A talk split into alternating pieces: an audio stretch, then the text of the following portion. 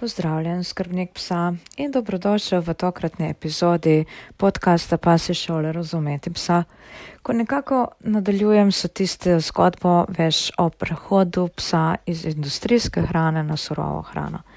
Lej, to je sedaj trenutno v mojem in Titovem življenju izjemno popularna uh, tema, zdaj če ti je odveč, pač izpusti te epizode, ampak danes nekako nadaljujem, ne? zato ker morda se nekomu zdi to, ok, pes pač je prejedel brikete, neko industrijsko hrano, zdaj pa boš ti mu pač pripravljala obroke, big deal, ne, nobena velika stvar.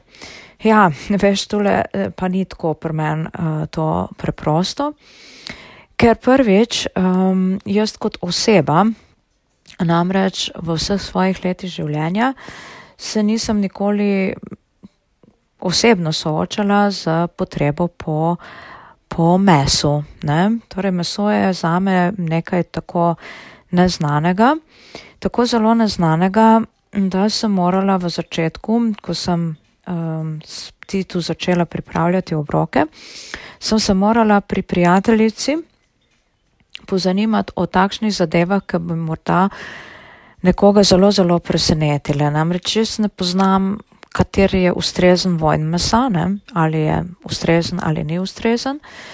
Ne vem, kako recimo meso, do katere stopnje ga, ne vem, toplotno obdelati. Ne vem nič, ampak resnično ne vem ničesar o mesu. Ne? Pa zdaj uh, ne, bi nekdo rekel, ja, potem si pa nek vegetarijanec ali pa vegan ali pa ne vem, presno jedec, jaz ti moram reči, da nisem nič od tega, zato ker v življenju si nikoli nisem ne drugim ljudem, pa tudi na sebi nekih nalepk uh, lepla, uh, zato ker to se mi zdi čisto uh, brez pomena.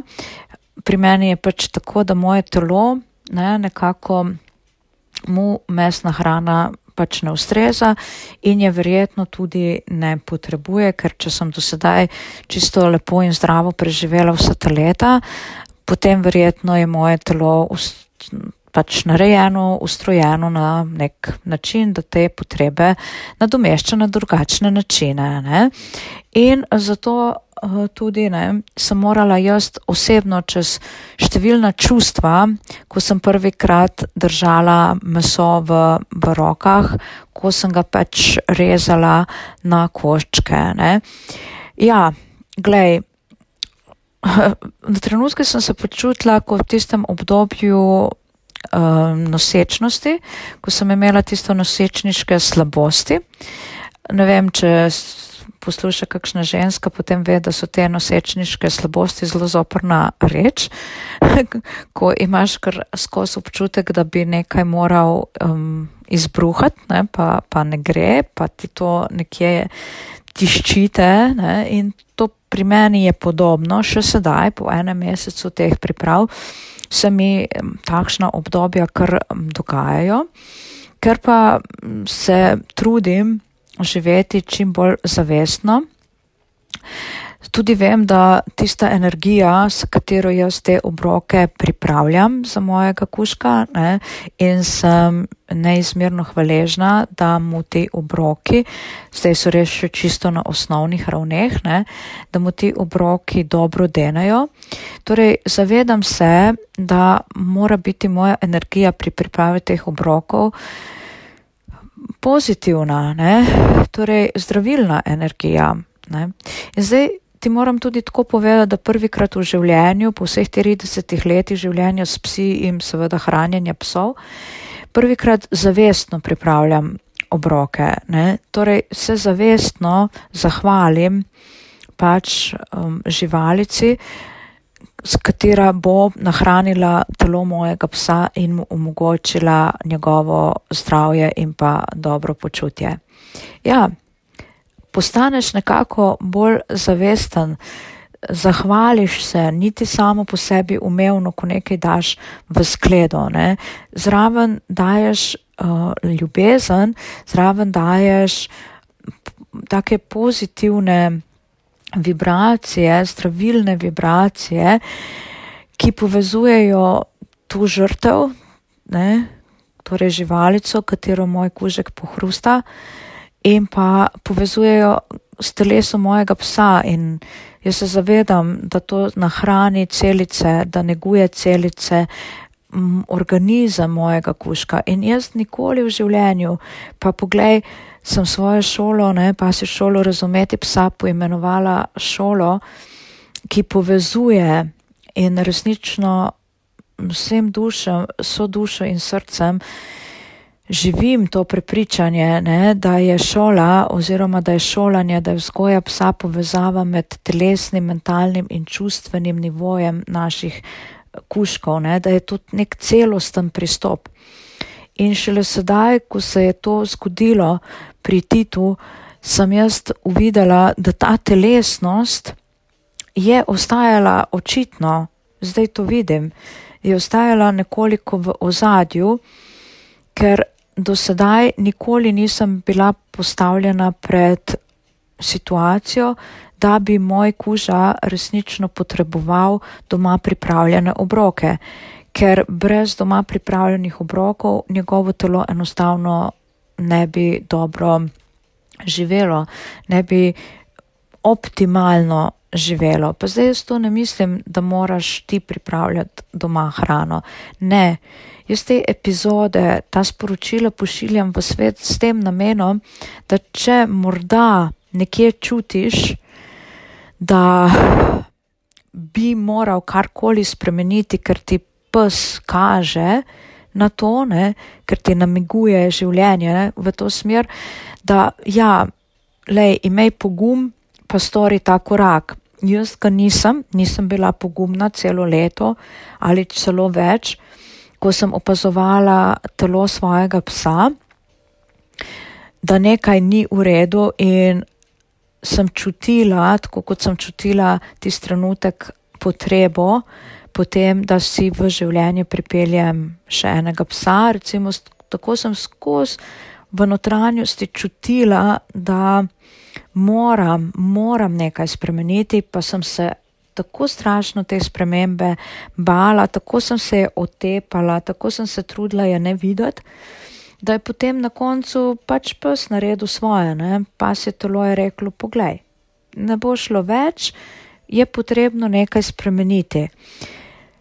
Še sreča za to, da toliko truda, energije vlagam v spremembo lastnega zavedanja, v širjanje lastnega zavedanja, tako pa se je zgodilo tole, pa nisem se ujela v tist krok, ko so ljudje recimo govorili, ja pa dej še to hrano, industrijsko poskus, pa dej to poskus, pa dej to.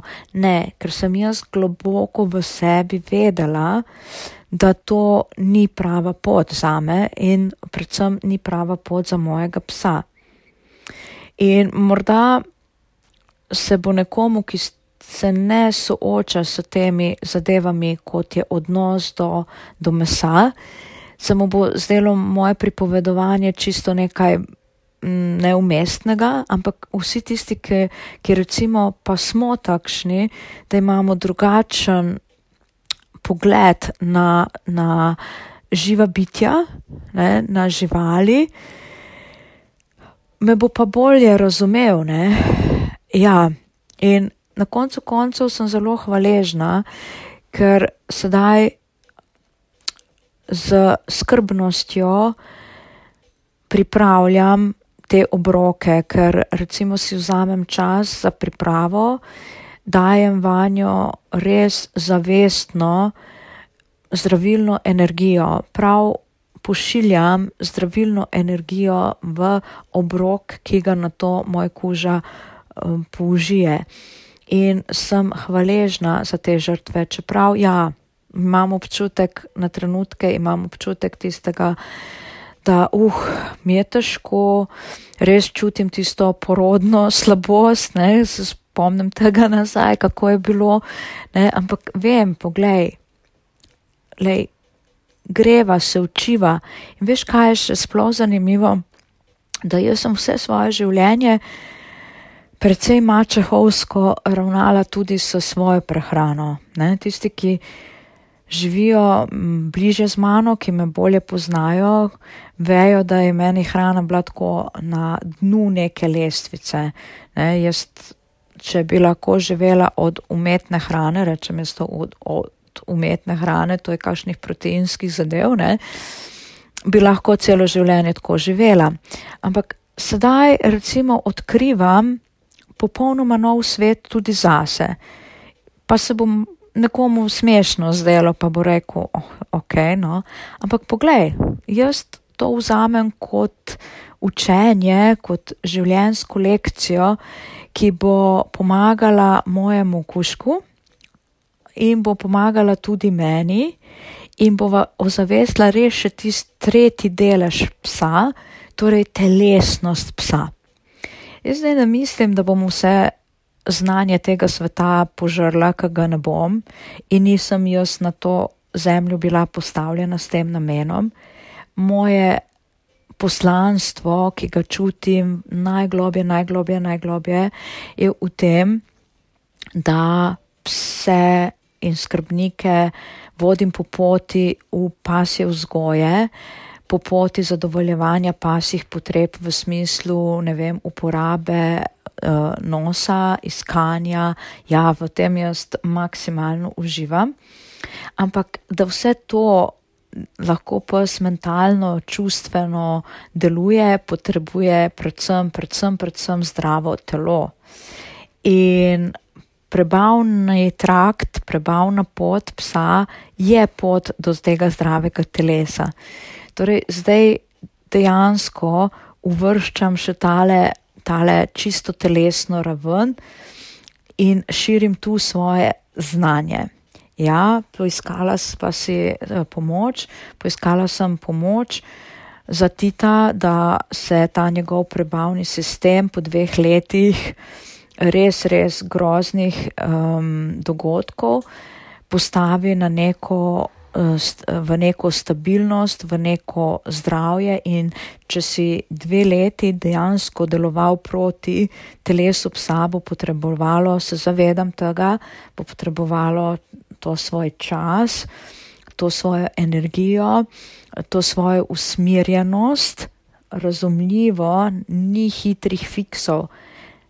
Stvari morajo teči postopoma In jaz se tega zavedam, zavedam se tudi, žal bodo verjetno tudi paci ne, pri tem, ker bo potrebno dodajati nova živila, preizkušati, tako da se bo njegov jedilnik čim bolj razširil, zato ker je to dobro za uh, pasi prebavni sistem in hkrati se bo širil moj jedilnik, ker je to dobro za človeški prebavni sistem. Tako da nekako, če gledam in razmišljam, sva začela hoditi po neki skupni poti, neke spremembe. Ne? In zagotovo bom ne, ti še zaupala, kako ta najna pot poteka. Danes samo toliko eh, v vednost, ne psi so mesojedi, mesojeda bitja, torej potrebujejo meso. In ja, meni kot osebi je to bil velik, ampak velik korak čez moje, ne vem, strahove, neznanje, nevedenje, nepoznavanje, morda tudi z energijskega stališča tisto, bom, bom zmogla tole, ne? ampak poglej, Nekdo bi rekel, ja, za ljubezen narediš vse. Ja, za ljubezen narediš marsikaj, narediš dejansko vse. In zavestna priprava ne, obrokov, wow, lej, naj te pot morda občasno lep odpelje v to smer, pa če ne drugače, samo zato, da recimo psu ponudiš neko novo izkušnjo. Tudi če nimaš recimo zdravstvene potrebe pri psu, da storiš ta korak, pa morda, če boš kdaj imel čas, si vzameš neko obdobje in samo sebe postaviš v, v to vlogo zavestne priprave obroka za psa in v končni fazi, če ga pripravljaš obroke za družino, zase osebno, ker mi smo itak od nas vse začne, ne? moramo biti na prvem mestu, ne? tudi zase. Tako, danes je to neko moje razmišljanje, kako stopiti naprej, sebe širiti na takšen, mogoče malo drugačen način. Tako, hvala, ker si poslušal tokratno epizodo uh, podcasta Pa se šole razumeti psa, ker kukaš in gledaš v lenki in pasi svet, tudi v te čisto takšne telesne zadeve in prehranske zadeve naših kuškov. Naroči se, če se še nisi, če si se že na podcast naročil, se ti zahvaljujem, spremljaj naj ustitom. Uh, najdeš naj tudi preko spletne strani, pa si šole razumeti psa, Instagrama, YouTuba in ostaniva povezana na kakršen koli način. Želim ti čudovit, čudovit dan. Pozdravljava te Lenka in Tit.